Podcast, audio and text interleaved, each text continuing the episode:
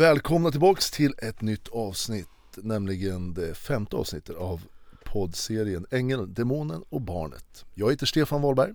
Jag heter Albin Wahlberg. Och jag heter Ove Lundqvist.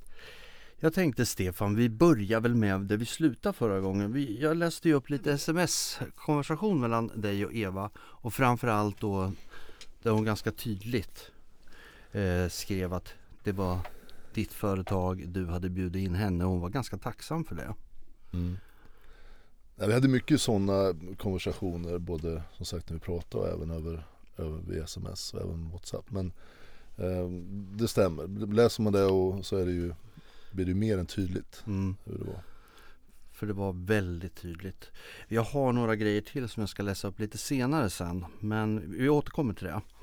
Jag tänkte på en grej som vi har bara nämnt lite vid förbifarten förut. Det var ju faktiskt eh, en incident med en yngre släkting. Mm. Precis, det är ju, det, det, det känns ju sådär lite halvbökigt att prata om det men jag tycker ändå att det är viktigt att göra det för att visa just framförallt från Evas sida hur, hur hon är på ett bredare sätt men även så här. Hon, hon hade ju kontakt med en yngre, en mindreårig släkting, en, en kille eh, som var hemma hos henne och Daniel då.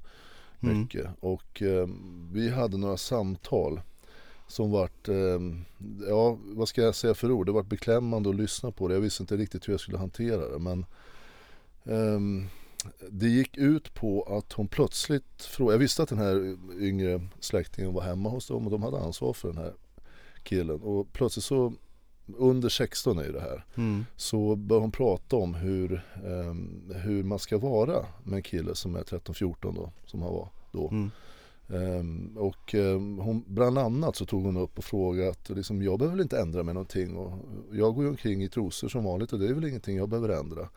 Uh, var en av de sakerna som hon tog upp. Vi pratar trosor utan överdel. Utan överdel, ja. precis. Som hon ofta gick omkring i själv hemma och då tyckte hon att det behöver man väl inte ändra. Och då försökte jag förklara, jag har ju barn och sådär, så jag försökte förklara att eh, det måste man ju absolut, man kan inte gå omkring i bara trosor utan överdel med en 13-14-årig kille som man har ansvar för mm. med allt vad det innebär. Och försökte jag förklara hur unga män liksom, som har kommit i puberteten, hur de, hur de är och vad som är lämpligt eller inte. Men när jag sa det, då var hon nästan förbannad på mig. Liksom, mm. och sa att, ja ja, men det gör jag i alla fall. Och så liksom avslutade hon den diskussionen och så var det inte mer med det. Eh, och vid några tillfällen tog hon upp hur hon skulle vara med honom och vid ett tillfälle vet jag så skulle eh, när vi skulle göra saker, jag, vi gjorde ju massor jag och Eva, vi umgicks ju nästan varje dag. Mm. Och när jag hämtade henne så var hon ju alltid sådär punktlig till tid. Vi bestämde en tid och var det någon som var lite sen så var det jag ibland. Men annars så var hon punktlig. Men vid några tillfällen så, eh, så, så, var hon liksom inte färdig när jag kom. Och det var några tillfällen när Daniel som jobbade då som polis mm. jobbade. Och hon var ensam med den här eh, yngre släktingen, då, minderåriga släktingen. Och liksom det, var bara, det var bara konstigt i luften. Så en gång när jag kom då hade jag hade bestämt att jag skulle iväg. Mm. Eh, jag ringer, eller jag skickar sms och sa att jag var på väg. Hon svarar inte. Men jag går väl in i huset, som det gjorde jag som vanligt. Det var väl inget konstigt. Jag knackade på och gick in. Och då när jag kommer upp på ovanvåningen då kommer hon ut ifrån sovrummet i trosor och håller för sin, sin överdel om man mm. säger så. Då. Eh, och i sovrummet, i Daniel och Evas sovrum är den här killen. Och jag bara, okej, okay. jag tänkte att Eh, jag, jag liksom, det kom ju rätt plötsligt, man bara ser det här och sen så okej, okay, jag väntar här nere säger jag och så gick jag ner och väntade på dem och sen var vi färdiga. Och liksom jag bara kände att det här, det är någonting som inte det stämmer här. Tillsammans med de samtalen som hon hade med mig så kände jag bara det här, det här är fan inte bra. Och det här kulminerade så småningom till att i, jag tror det var i början av december och sånt där, så skickar den här killen ett ant, inte bara ett, utan okay. ett antal videoinspelningar ja. på sig själv i eh, icke nämnbar eh, skick, eller hur jag ska uttrycka mig, med, med, med eh, vad ska jag säga, privat material om man säger så då, okay. på honom när han, när han skickar det till, till Eva. Eva ringer till mig och är helt förtvivlad. För hon, mm. hon säger någonting om att det här liksom har gått överstyr och hon vet inte vad hon ska göra. Jag försöker att snabbt som fan. Jag fattar ju någonstans, jag hade haft mina misstankar lite vad, mm. liksom, eftersom jag hörde hur hennes inställning var till, den olämpliga inställningen var till, mm. till det här och till honom. Eh, så jag försöker i stunden då, tänker situationen att jag är tillsammans med henne här fortfarande och eh, vi liksom har, vi är vänner och jag är vänner med allihopa där med Daniel okay. och alltihopa och Eh, liksom vi försöker, vi har affärer ihop och så försöker jag då hjälpa henne här. Så jag säger någonting om att försök att få det här till som att det är en olyckshändelse. Det är det enda, tänkte jag, det enda rimliga hur man kan förklara det här. Mm. Liksom att man säger till folk runt omkring att det här, är- det här det var inte meningen att det skulle skickas. För hur fan förklarar man det här annars? Mm. Och det är precis det hon gjorde. Hon skickade något till Daniel, tror hon skickade en kopia till mig på det sms som hon skickade till Daniel. Att det, har skett en olyckshändelse och han har råkat skicka. Men som sagt, ingen reagerade som var inblandad. Det var ju hans, han, hans pappa och lite släktingar varit inblandade i det här. Men ingen reagerade på att det var inte en, det var inte två videos, det var ett antal videos. kan jag tycka är lite konstigt. Faktiskt. Ja, jag tycker också det är konstigt. Men som sagt, det var väl, fan ska man, vad ska man säga? Det här är ju både det, jag det, det, det är så laddat alltihopa och det är så förbannat fel och det är så, det är så tokigt. Men de köpte det och liksom det, det rundade av här och Eva fick sen en, hon vart ju väldigt skärrad av det här. mm. Troligtvis för att hon hade drivit det så långt Ja. till att det här liksom, men, men hon kom ur det här med blotta förskräckelsen. Sen vet inte jag vad som hände efter det. Jag vet att han var kvar där, Mm. den här släktingen. Men, men jag hörde ingenting mer efter det. Jag tror att hon vart, det var så nära liksom att det vart Mm. haveri där. Så att det liksom, Men det här med E- Evas grejer, hon, eh, hon har ju gjort lite fler saker som är annorlunda. Jag vet du berättade för mig om det här med grannen och Ja. brunn. ja precis. Ja. Det var också under 2016. Hon, eh, jag var ju jättemycket hos henne och sen hade vi ju gården på samma gata och på den gatan fanns också en granne som hade hästar.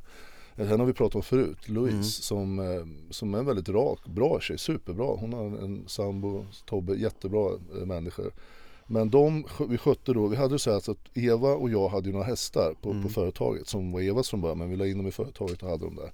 Och då fick vi ta del av Louise och Tobbes eh, skithög om man säger så, Mm. där man lägger hästskiten för det blir ju massor.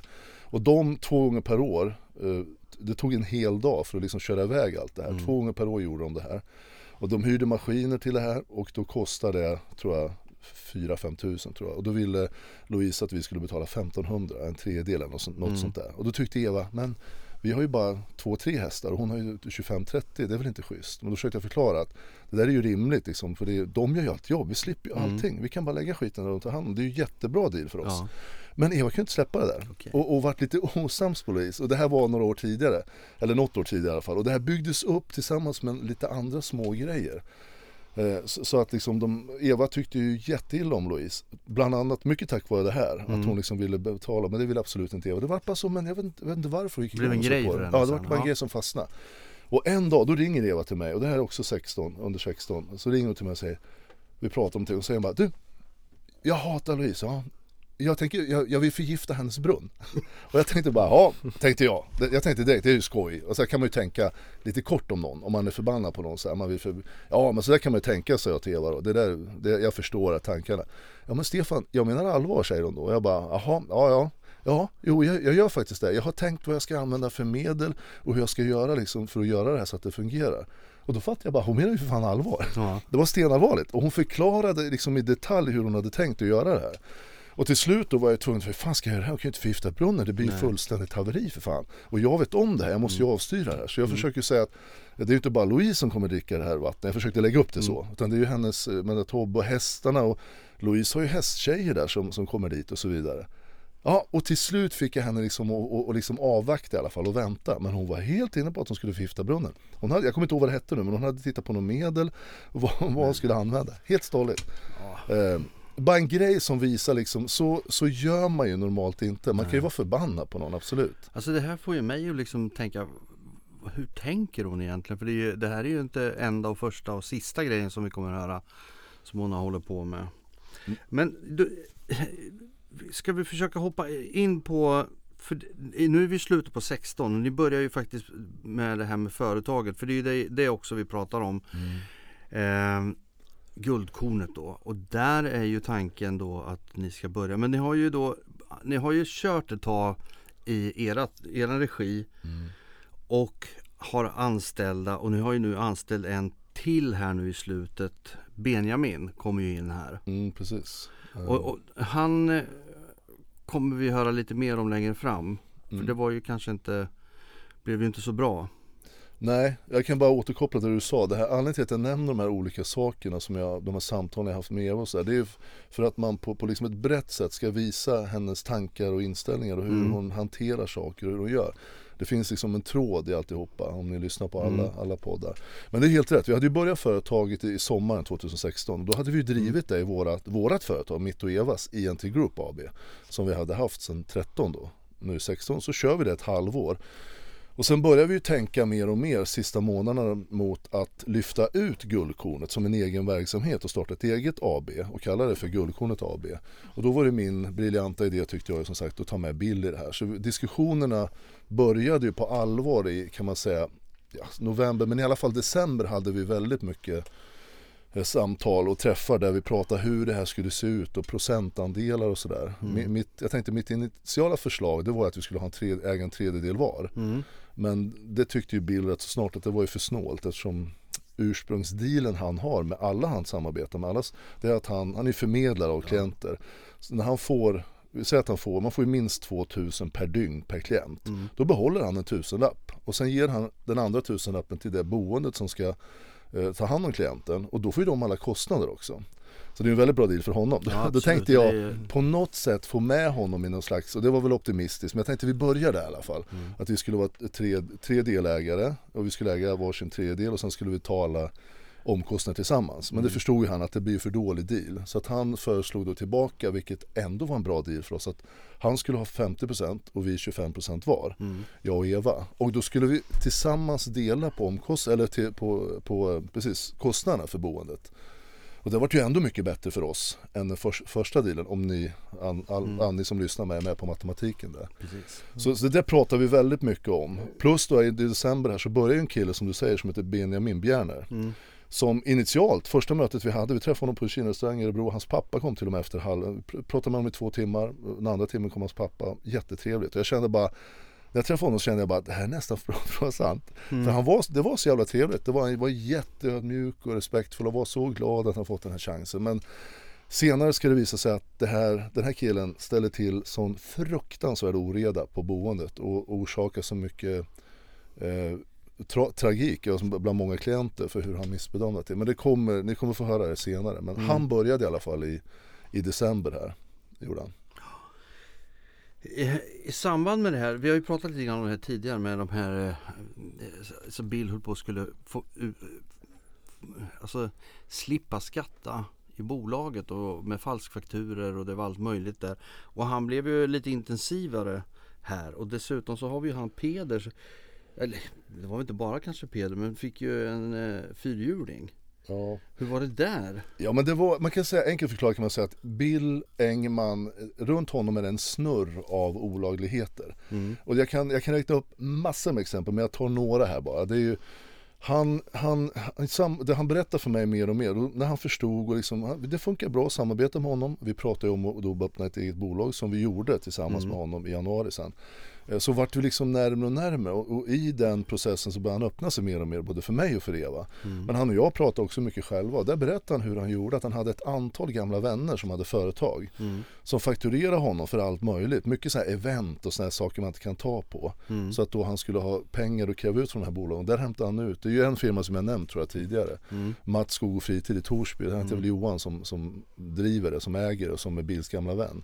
Johan då sitter och, och fakturerar bilder, det här har han gjort i många, många år. Mm. Och vi pratar om miljonbelopp varje år. Eh, för event och för utbildningar och grejer. Sånt där som inte går att ta på mm. riktigt. Mm. Och då, då, får ju, då betalar en Bill in pengar, företagspengar som han får dra av mm. i sitt företag till honom för event och sånt där upplevelser. Och sen kan han då hämta ut leksaker som han kallar det Bill. Mm. Alltså fyrhjulingar, skotrar, vattenskotrar, allt du kan tänka dig. Allt som de säljer där uppe. Mm.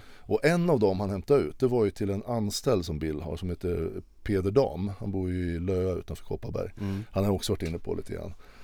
Eh, det, var, det är en av de få som är liksom, det är en av Bills närmsta. Han, Bill hade här, det visste jag, det berättade han för mig rätt tidigt, bestämt att han skulle ge en julklapp till sin anställda. Han skulle ge 160 000 till Peder Dam, till Marlena Högberg som då och är fortfarande, tror jag, verksamhetsansvarig för mm. verksamheten för Bills bolag. Hon äger ju inte men hon är verksamhetsansvarig. Jag tror hon är delägare med någon liten procent. Men, och sen var det väl Mikael Svanberg, eh, tror jag, de tre framförallt då. Nu tror jag att det är några till men Eh, då var det de i alla fall och då skulle de få 160 000 var som julklapp. Mm. Men då berättade Peder för mig att han hade valt att ta ut det i motorcykel istället. Så det som händer då, det är att han åker upp till den här Johan i Tor, på Torsby, eh, vad heter det, Matskog och fritid i Torsby, hämtar ut en sprillans ny så Polaris 1000 kubikare. Mm. Och precis på samma sätt då har ju Bill eh, ja. blivit fakturerad av, eh, av Johan på Mats Skog Fritid för, för event. Ja. Så att då han kan bara hämta ut den här. Köp. Så han har till godo? Ja precis. Ja. Och, det, och då, liksom, då kan ju Bill ge att det blir dubbel, dubbel effekt på något sätt. Eh, ja, så han hämtar ut de här helt fritt. Men det är bara, det är bara en detalj, en liten grej som, som hände. Men ni börjar nu ha era slutliga möten nu i alla fall om Guldkornet och börjar dra mm. ihop er och ska starta Guldkornet och det drar ju igång. Mm. Och i och med det här nu så är det precis i början av när ni har startat Guldkornet AB. Då har ju du och Eva en sms-konversation. Den jag nämnde lite i starten. Mm. Jag tänker jag ska läsa upp Eh, för den är i två delar, men vi börjar med den första delen mm. så ska jag läsa den så får vi höra vad det handlar om. Och då skriver Eva till dig så här. Är så glad att vi äntligen är på G med nya bolaget tillsammans med Bill. Känns tryggt trots hans krav på 50% och att vi tre äger guldkornet tillsammans istället för att du och jag som ensamma ägare själva hela tiden är beroende av Bill och hans snabba växlingar i humör och planer. Han har en märklig sida som gör mig orolig. Vad gör vi med våra fastigheter i Kopparberg och gården? Kan vi kan tänka mig att vi har kvar båda men vill, de, men vill att de ska generera pengar till oss. Vad tycker du? Jag saknar dig. Och då svarar Stefan Hej! Ja, grymt skönt att vi är på gång med nya bolaget. Jag tycker vi behåller våra fastigheter och gården är ingen snack. Ditto. Och då svarar Eva, ja det är ingen panik med att bestämma. Ville bara lätta lite tankar med dig. Vet att du tycker om det. Och då svarar Stefan, nej du har rätt. Vi koncentrerar all energi nu på vårt nya bolag. Okej. Okay. Och sen så Ja Där kan vi säga så här, det, det är ju ganska tydligt att ni äger bolaget till, Inget snack alls om nej. Ja, nej för fan, nej, men vi hade mycket, det finns mer också. Både på som sagt, det här är sms-konversation, det finns ju på WhatsApp också. Nu har ju eh, Eva, som sagt det kommer lite senare, hon har ju hackat min WhatsApp. Men det återkommer vi till senare. Ja, ja. Hon och hennes man eh, ja. Josef har gjort det. Men skitsamma, men, så jag kommer inte åt allting där. Men, men det här, det, det finns så mycket som mm. vi har snacket emellan där man ser hur tydligt det. Vi hade mycket diskussion både slutet av 16 där innan vi startade med Bill och även i början för det var så jävla intensivt allting hur, det skulle, hur vi skulle Ja men allt möjligt, hur vi skulle lägga upp eh, strategier för olika saker och ting. Och vi pratar ju här om fastigheter och mm. bolaget och sådär. Men redan dagen efter och då är det 6 januari, det jag läste innan var 5 januari, så 6 januari då skriver Eva till dig så här. Du pratar om att du ville skriva papper gällande vårt företag. Vad menar du då? Då svarar Stefan, jag menar att nu när Bill är med oss som delägare i vårt nya bolag tillsammans med oss så kan det vara skönt för oss att både ha min del nedskriven mellan oss så att det aldrig behöver bli några tveksamheter. Vi vet ju inte helt enkelt vem Bill är mer än att han är en spillevink. Då svarar Eva, aha okej okay, du tänker så. Eh, hur vill du att vi skriver då då? Då svarar Stefan, behöver det inte vara så krångligt, bara hur ägandedelarna ser ut lite enkelt. Då svarar Eva, ja det är nog ingen dum idé. Och då svarar Stefan, ja jag litar självklart hundra på dig, men hemska tanke, tänk om något skulle hända dig. Det skulle bli riktigt bökigt och jag kan inte säga att jag litar helt på Bill att hantera en sån här situation. Då svarar Eva, okej, okay, då förstår jag. Vad du, eh, nu ska vi se nu tappar jag bort den här. Eh, Okej okay då. eh, förstår vad du menar. Men det är väl bara att vi skriver ner att eh, du är hälften delägare med mig i INT Group och 25% delägare i Guldkornet. Eller tänker du något annat? Då svarar Stefan, nej det borde räcka säkert bra. Behöver väl inte vara krångligare än så. Vi tar det när det blir tillfälle, ingen panik. Vad gör du annars? Då svarar Eva, nej inget särskilt. Men vi kan skriva om fakt vi kan skriva om faktumet att du äger hälften av våra fastigheter också om du vill. Det är ju lite snurrigt med Daniel involverad och så vidare. Då svarar Stefan, ja det kan vi göra. Det kan ju hända mig något också. Det har vi ju pratat om. Vet att du skulle göra rätt mot mina barn men det kan vara skönt att göra det, som, göra det för sakens skull. Eh, det är ju inte bara du och jag längre. Och sen så... Väldigt rimligt resonemang. Ja. ja. Tycker jag det känns som. Precis. Och här, ja. här hör man ju också att eh, nu när jag hör det så här i efterhand så, så hör jag också det bekräftar åter en gång till Daniels involvering i det. Han var ju, även fast han inte vill erkänna det här utan han vill nu sitta och begå mened och sitta och ljuga i rätten vilket eh, är väl det han säger att han ska göra. Ja. Man tänker på de förhör han har gjort innan här.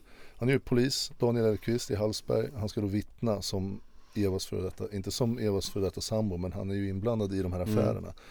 Och han stod ju som eh, medlåntagare till en fastighet han stod som bulvan till mig och han stod som eh, medägare, delägare till en fastighet istället för mig som bulvan för mig. Mm. Och han har även varit med som styrelsesuppleant istället för mig, en bulvan för mig, det bolag vi startade, Gente Grupp och så vidare.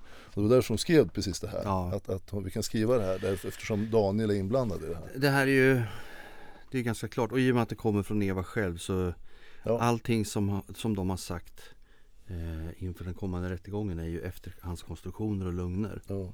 Så är det ju. Men vi ska hoppa fram lite grann. För i, i och med att ni startade Guldkornet nu då, så börjar den här verksamheten då eh, köra igång än mer på riktigt liksom. För nu lägger ni en växel till och kör. Och ni har ju veckomöten då.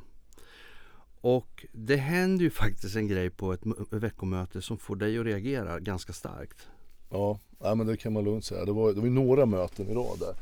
Eftersom jag berättat om att eh, eh, Bills bästa vän Magnus gick ju bort här tragiskt, fruktansvärt tragiskt i en trafikolycka. Jag hann ju lära känna honom lite grann, en av de trevligaste människor jag någonsin har träffat. Mm. Eh, jag vill verkligen, kan jag säga hur många år som helst, för det var han verkligen. Men hur som helst, han hade ju då en fru eh, som varit änka här och hade det ju fruktansvärt jobbigt. Jag har träffat henne efteråt här och jag träffade henne i samband med där Jag har fått jättebra intryck av henne. Jättetrevlig människa. Men det som händer på de här mötena, veckomötena som vi har eh, tillsammans med Bill eh, och eh, det, det är alltså vi träffas en gång i veckan i Fjugesta och då är det alltså representanter de som, som ägare eller, är chefer för de boenden som är runt. För man ska dela lite klientinformation för att en del, de går ju mellan hemmen en del klienter och sådär. Och Vi vill stämma av och, få, och hjälpa varandra. Liksom. Det är det som är vitsen med de här mötena. Men under de här mötena, och första mötet var här i januari, så, så tror jag, så börjar Bill eh, plötsligt från ingenstans, från den här trevliga sättet som han normalt, eller brukar ha när han är offentlig så här. Då är han rätt så lugn och inte så. Så börjar han bara svära över den här, eh, den här änkan då. Jag vill inte säga hennes namn men det, det spelar ingen roll, det är oviktigt. Och så bara, "Åh, den där jävla, ja vad hon nu heter. Hon, fy fan, hon, hon, hon, vet du vad hon gör? Hon är så jävla dum i huvudet. Alltså han börjar som en liten pojke ungefär bete sig. Alltså han bara säger så här, du hon är så jävla dum i huvudet, hon är psykopat. Vet ni vad hon gjorde efter, efter eh, Magnus hade gått bort? Hon drog till Maldiverna bara, hur fan kan man göra det? Och hon tror, och så säger han så här, och jag sitter bara som ett stort frågetecken, han måste ha märkt det. Jag tänkte, vad fan är det som händer? Och säger han, och vet ni vad hon tror? Hon tror nog att hon ska få pengar av Magnus, men jag ska se till. Jag ska jävla se till att hon ska inte få ett jävla öre. Inte ett jävla öre, det ska jag se till. Och jag bara, vad fan är det som händer? Här är en änka som försöker överleva Ja. av att ha förlorat sin man. Jag förstår att de hade ett jättefint äktenskap och jag förstått, om inte annat efteråt, att de hade det jättefint. Och inte nog med att han sitter och- joddlar på Bill här, elakt som helvete, utan Malena Högberg som är då lite ansvarig för mötet och verksamhetsansvarig för växenheten. Hon bara ja, hon är ju så jävla dum och alla sitter och Peder Dam håller, sitter och håller med. Precis likadant och bara hon är ju så jävla dum och Mik- Mikael Svanberg, det var ju de fyra kan man säga som var liksom den tajta gruppen i Växa. Alla sitter bara och gödslar skit och jag sitter fullständigt förstummad. Jag säger inte ett ord. Och De måste ha märkt det. Men, men liksom, sen kände ju inte jag henne heller. Jag kände inte Magnus riktigt lika bra som, som de gjorde.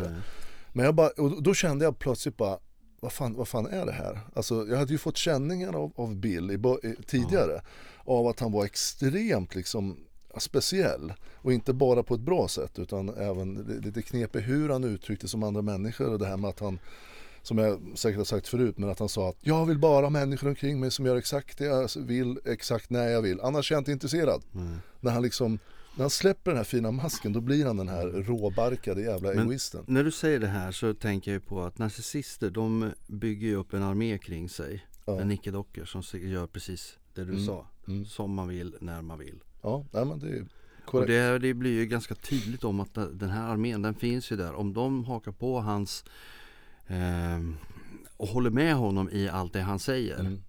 Så är ju det rätt skrämmande. Jag, jag kan bara föreställa mig hur det är att sitta i en sån situation som åskådare och bara Mm. undra vad fan är det som händer? Ja.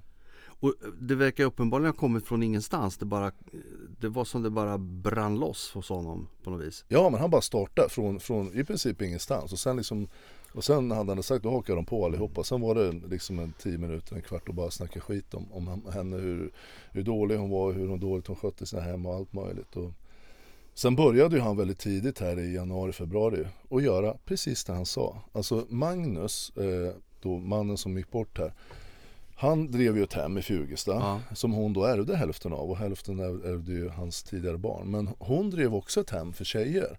Ett framgångsrikt hem eh, där hon liksom räddade många tjejer. Men problemet var att hon hyrde fastigheten av Bill. Så det han gör, det är ju fiffigt som fan. Det, det, det, det här gör han och det tycker jag att han, det kan han säkert inte lagligt sett men han gjorde det. Och det gick så fort allting. Han dubblade hennes hyra. Alltså han la på 100% på hyran hon betalade för det här boendet. Plus att han slutade leverera klienter, kvinnliga klienter till henne helt och hållet. Så från kanske 10 klienter som hon hade så bara droppade det av. Så på någon månad eller två så hade hon väl en eller två klienter kvar ungefär. Ja, Plus med med. dubbel hyra och med all personal. Ja vad hände då? Ja men då var hon ju tvungen att avveckla det där fort som tusan. Hon höll ju på att gå under. Alltså hon Ja. höll på att flytta från, från sitt hem tack vare det här. Och det här, det här är ju liksom, det här, det här är ju då- då bara gjorde- Bill Engmans verk Då gjorde han vad han hade bestämt sig för att Ja. göra. Och vem gör han det mot? Hans påstådda bästa, Bästa vän. väns fru, änkan som är kvar. Alltså det, man kan, det minsta man kan förvänta sig, ta med fan av en, det, upp, det rö- upprör mig så in i helvete när jag liksom tänker på det. Det är att när någon går bort, det är väl att ens bästa vän ska borga för ens familj så Ja. att de har det bra när, Det är när man har gått bort. Han gör tänker. precis tvärtom. Alltså det, det är bara bisarrt, jag Ja, blir nej, förbannad när jag alltså talar jag, om det. jag hittar inte ord för det där. Jag, Jag jag, blir, jag, jag känner inte, jag vill, jag vill säga något kärnfullt känner jag men fan det, det finns Nej. inte mycket klokt Nej. att säga om Nej men det, alltså. det, det är så förbannat djävulskt elakt, det är precis vad det är. Ehm, Ja. Och han, han, han fortsatte ju sen under 17-18. Ni kommer få höra mer vad han gjorde. Inte bara mot henne utan hennes, hennes Ja. övriga familj också. Ja, det här är ju en källa av, ja det finns så mycket att hämta som helst. Ja, absolut. Eh, ni åkte ju, du, eh, det är så här att i den här vevan så åkte du, eh, Eva och Daniel till Hongkong. Mm. Egentligen var, jag vet inte om syftet var att ni skulle öppna ett bankkonto där, om det var det som var syftet eller en del av det. Ja, så här var det om jag ska vara riktigt ärlig. Det var att Bill pressade ju framförallt Eva väldigt mycket. Jag var ju liksom medveten om det här men det var Eva som fick ta den här biten och Eva, eller Bill pre- pressade Eva och sa att han ville föra över mer pengar till Hongkong. Ja, De förde ju över mellan 700 800 000 redan i december. ja eh, via, eh, på ett annat sätt eh, och med, med fakturer som jag fick titta på så hon var så rädd att de inte skulle fungera och då skulle jag godkänna dem. Hon hade gjort några fejkfakturor. och De finns säkert kvar någonstans så jag kan visa dem. Men, men eh, nu ville ju Bill föra över mer pengar och då hade ju, och Bill, Eva ville ju väldigt gärna som hon sa komma åt Bills pengar uttryckte hon flera gånger. Vi måste ta del av hans pengar så jag får ta del av hans pengar. Och vid något tillfälle, om jag inte har berättat det, så sa hon ju det att eh, Alltså Stefan, jag, jag skulle kunna ha sex med honom bara för att jag tagit del av hans pengar. Jag tänkte bara, åh, sexigt att säga till mig som har förhållande med dig. Kul, tummen upp för den. Men hur som helst, så, och i och med det så kände Eva att vi måste skaffa ett eget konto i Hongkong. Så jag bara, ja men det kan vara bra att ha, tänkte jag i övrigt.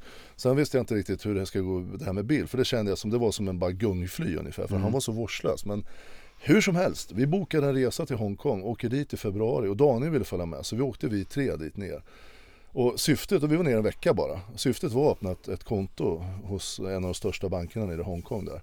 Eh, när vi kommer dit, till banken, precis när vi ska gå in på kontoret, då säger jag bara, nej men jag, jag, jag vill göra det här själv. Och jag bara, va? va? Vi, och tänkte jag, det är väl bättre att vi båda, det borgar ju mycket bättre för att vi kommer få, för det är rätt så svårt att skaffa Hongkong, det är inte bara att gå in och öppna ett konto i Hongkong, de är, rätt så, de är jävligt strikta, de, du måste vara super liksom trovärdig när du är där. Och jag bara, ja men och då sa jag bara, men känner du att du klarar det? Ja. Jag bara okej, okay, hon kanske hon gör det. Så okej, okay, gör det. Så jag satte mig med, med Daniel och väntade så gick hon in. Och då får man ju besked en vecka senare, man får inte besked direkt. Nej. Och en vecka senare när vi var hemma i Sverige, då fick vi besked, avslag. Fick inte öppna något konto. Okej. Så hela jävla resan... Resan, det var ogjort Alltså, arbete. Ja precis, Ja. hela liksom grundsyftet med resan vart ju Mm. haveri där. Men under den här perioden, du, du pratar ju ganska mycket med Bill nu upp, när ni har slagit ihop. Alltså vi pratar slutet 16 och fram till mars här. Och när ni kom hem ifrån Hongkong så började ju han prata mer med Eva istället, var det inte så? Jo man kan säga där någonstans så började han prata, märkte jag liksom att han pratade mer själv med Eva.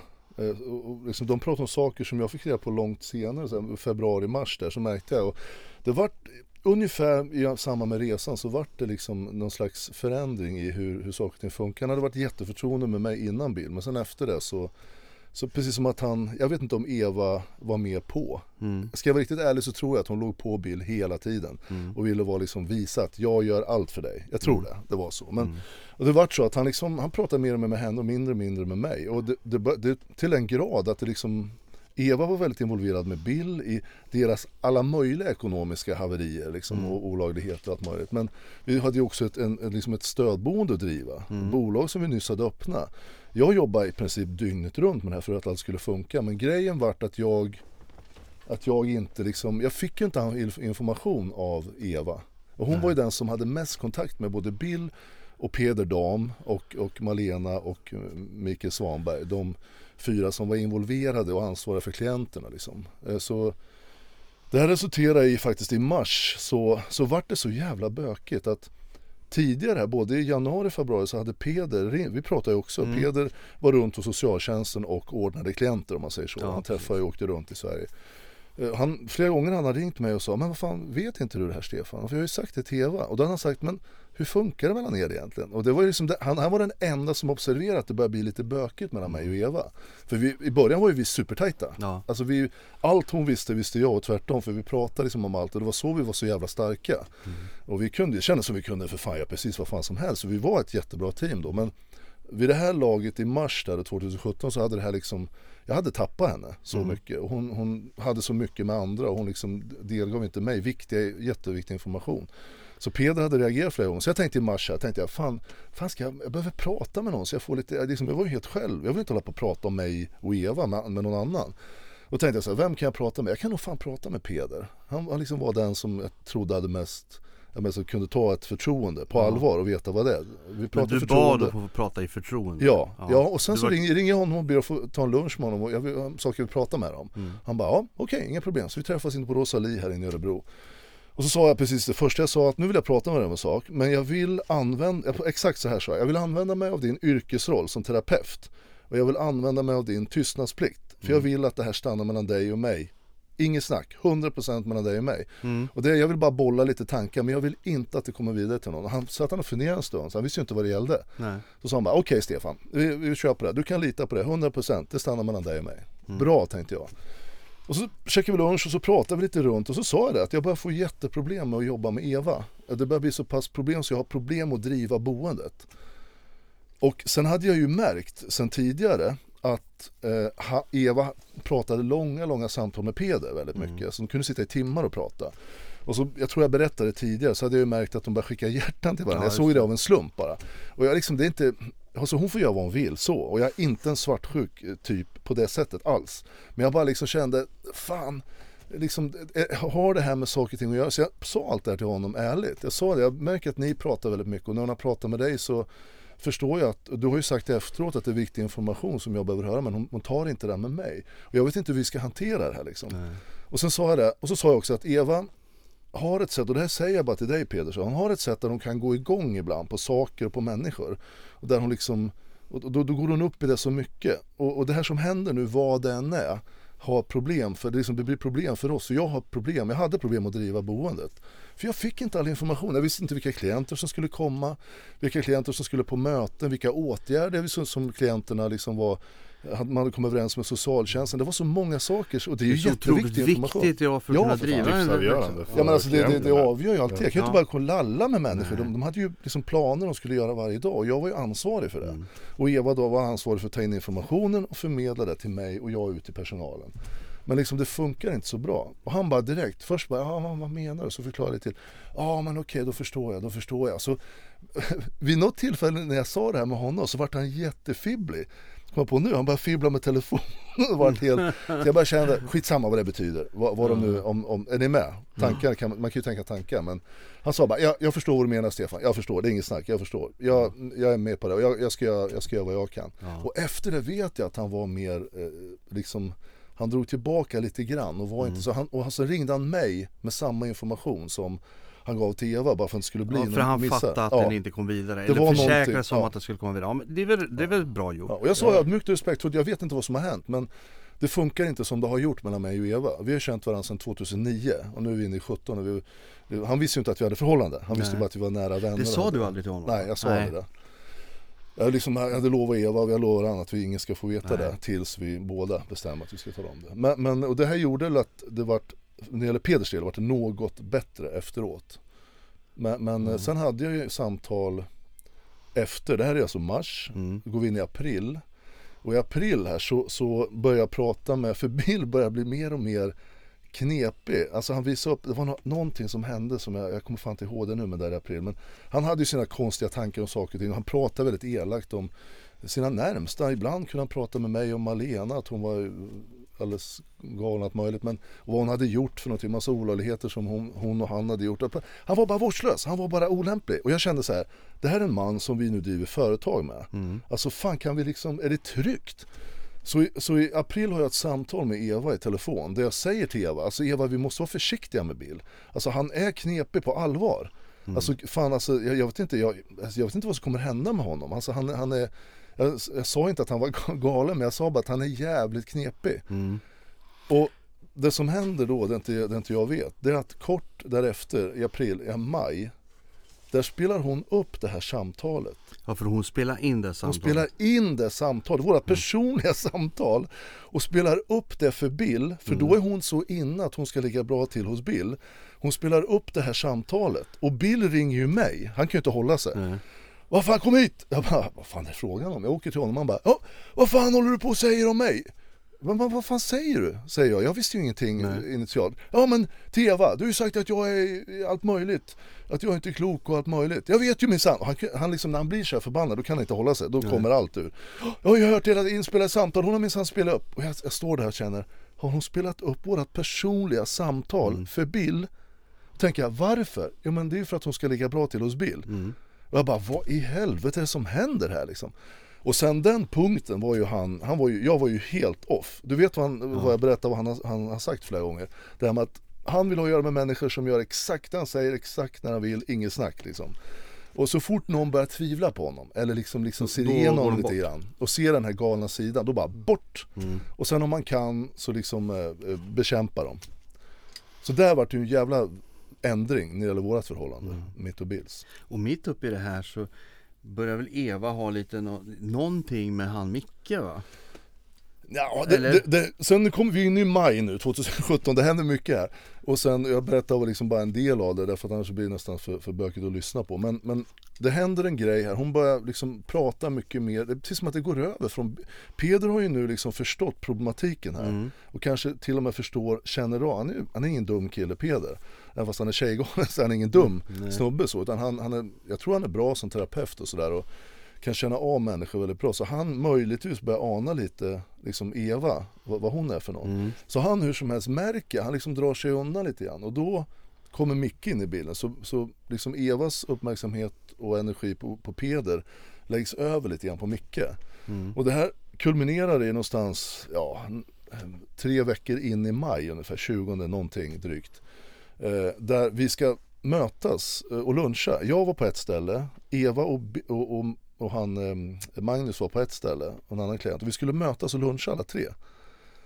Och jag kommer det vi ska mötas till Guldkornet. Mm. När jag möter dem, då, då åker de iväg innan, vi skulle mötas om det var 11 eller vad fan Så det att det var. hon och Magnus? Ja, för, Ma- inte Magnus, eh, Micke för fan. Ja precis, Ja, Micke, sluta. inte Nej, Magnus. Vi blandar ihop här. ny Ja. person. Ja. Stryk Magnus just nu här. Ja, Men, men. Micke för fan, Mi- Micke Ja. Svanberg heter han ju. Han, han var ju också precis som Peder en, en sån som var runt och ordnade klienter till, till växa överhuvudtaget.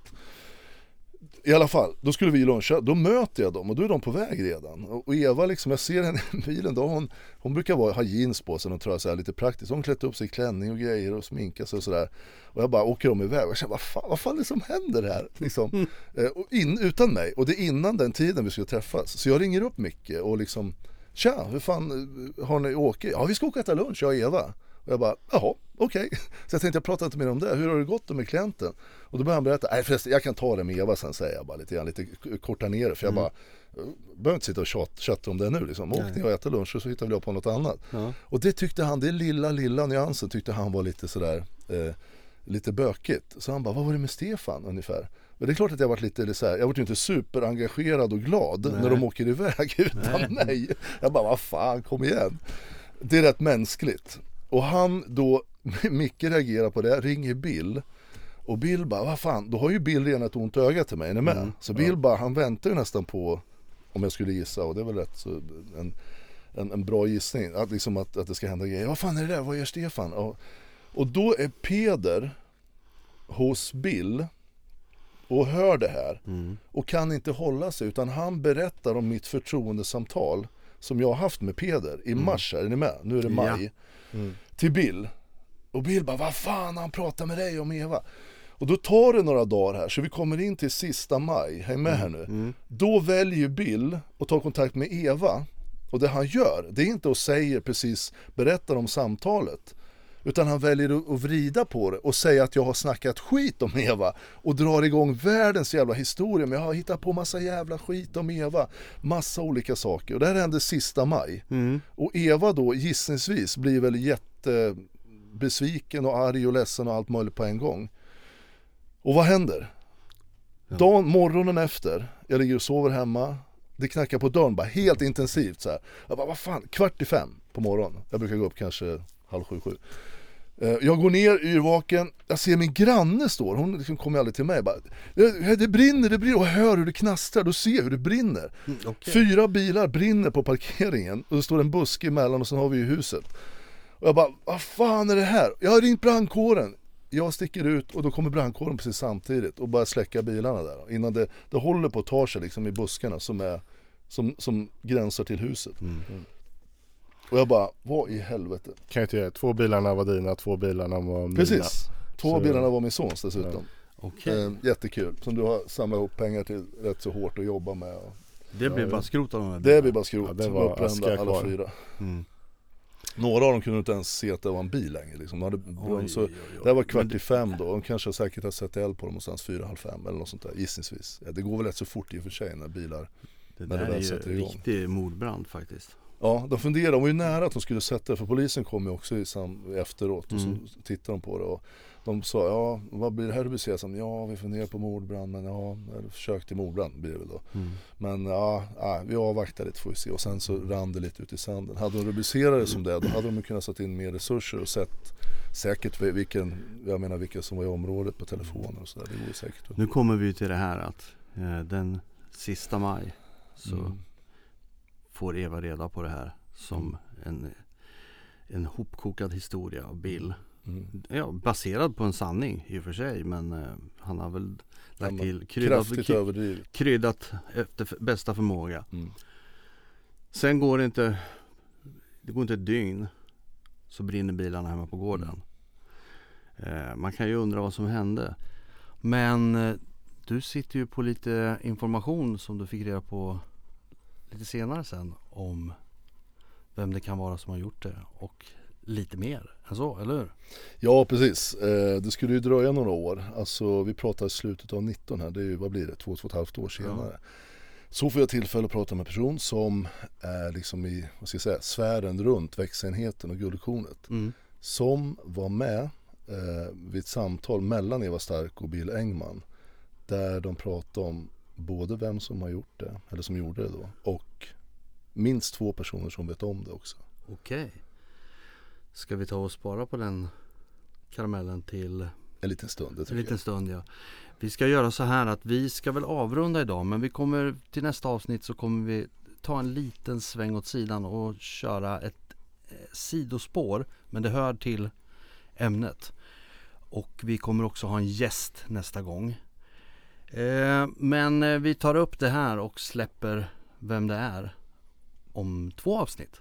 Så, men vi ses nästa avsnitt. Ja, tack för idag. Tack för Tack idag. för idag. Hej!